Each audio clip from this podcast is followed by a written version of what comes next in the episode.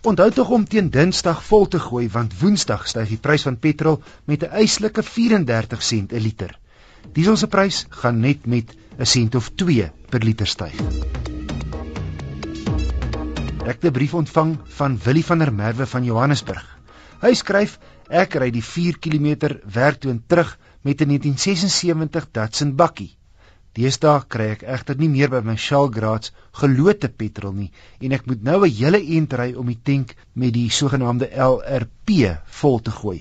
Watse veranderings sal ek moet aanbring om loodvrye petrol te kan ingooi? Vra hy.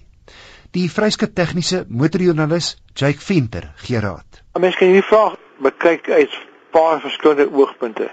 Eerstens eh, het ek artikels gesien in 'n serie tydskrifte van byvoorbeeld ou motorklubs wat gevind het dat meeste van hulle motors het geen probleme ondervind met die gebruik van ongelote brandstof nie. Tweedens is dit so dat wanneer 'n enjin 'n aluminium silindertop het, dan het hy gewoonlik hardgemaakte sitvlakke vir die kleppe en gevolglik is daar ook nie 'n probleem nie.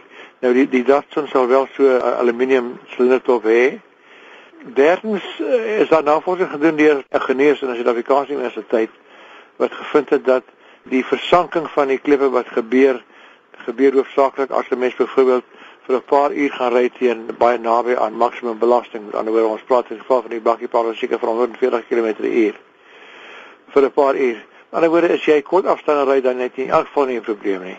Vierdens, as 'n mens wel 'n probleem kry, dan moet die klip sitvlakke of dan moet nuus ingesit word wat harder is en die voorstel is dat 'n mens doen dit nie voor jy die probleem kry nie, maar na die probleem op opgeduik het want dit is dieselfde onkoste. As jy dit nou voor die tyd doen as jy daai onkoste, as jy daarna doen in geval dit dalk sou gebeur, dan jy ook maar dieselfde onkoste. Ja. So die beste ding is gebruik ongelote brandstof en die kans is meer as 90% die, dat jy geen probleme sal hê nie.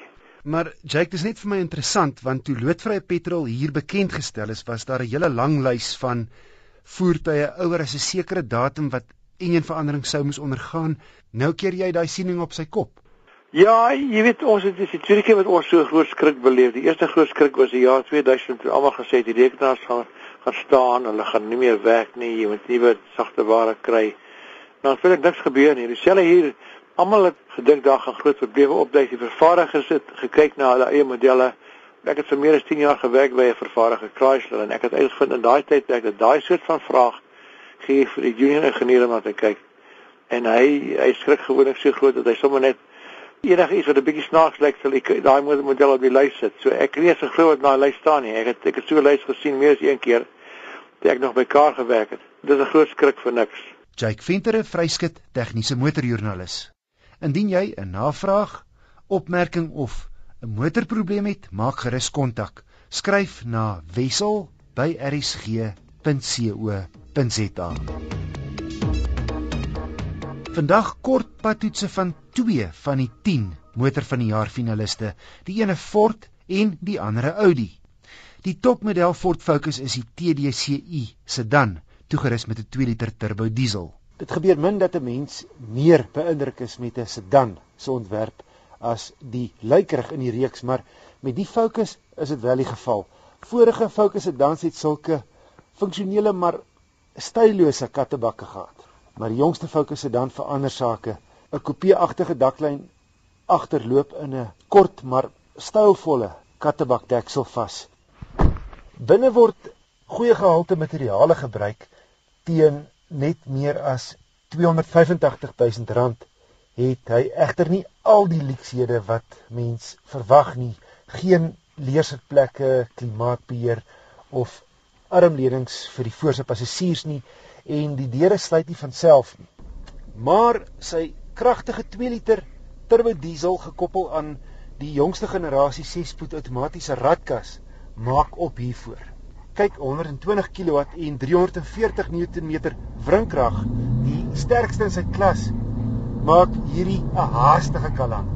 Boonop loop hy lekker stil vir 'n diesel en hierdie gesofistikeerde power shift radkas se skakelings is seepglad en onmiddellik. Ford het 'n reputasie van goeie hantering en hierdie Focus is geen uitsondering nie. Die stelsel wat gebruik word om stuurtraagheid te te werk is 'n wenner. En die stuurgevoel en stuur terugvoer is so goed as wat 'n mens kry in die klas. R285300 is baie vir 'n Focus, maar hy's darem die kragtigste diesel in sy klas. Sy mededingers is die Jetta, Cruise, Corolla en Civic. En die Focus het die beste hantering en die enigste met 'n outomatiese ratkas wat jy ook soos 'n handrat met die tipfunksie kan ry. Na my mening is die Focus een van die beste opsies onder die medium-grootte diesel sedans, maar nie uitstaande genoeg om as die motor van die jaar gekroon te word nie.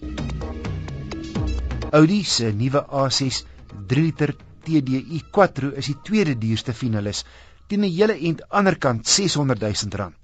Die voorkoms herinner mens dalk net te veel aan die goedkoper A4, maar 'n aantreklike kar is dit beslis, vaartbelyn en gespierd. Die pragtige buitekant word binne voortgesit met lieflike aluminium insetsels. Alles voel net reg en mooi ontwerp in die A6 van die sitplekke tot die stuur, die instrumente en dan het hy 'n skerm wat in die middel opslaan wat vir jou baie besonderhede gee. Maar gelukkig is alles verbruikersvriendelik. Jy het 'n spyskaart knop wat jy druk en daarmee beheer jy dan die radio navigasie hier's byvoorbeeld 'n comfort stelling, 'n dynamic stelling ensovoorts. Met dynamic bly die toere hoër en die stuurwiel verstewig 'n bietjie en die vering ook. So 'n stelsel wat eintlik ingewikkeld kon wees en in baie voertuie is, het ou die vereenvoudig tot op 'n vlak vir ouens soos ek wat nie wil sukkel nie en tegnologies nie baie gevorderd is nie. Versnelling is fenomenaal vir 'n diesel sedan. Hier trap ek hom nou weg. 6 en 'n half sekondes later by 100 km/h. Danksy 'n 180 kW en 'n allemintige 500 Nm wrinkrag. Die vierwiel aangedrewe Audi A6 TDI Quattro se boukwaliteit, gehalte, gerief, kraglewering en padgedrag is uit die boonste rakke.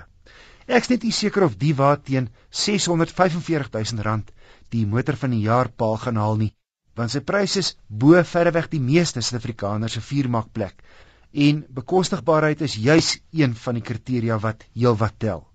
En ons sal geduldig moet wag tot Maart maand wanneer die motor van die jaar gekroon word.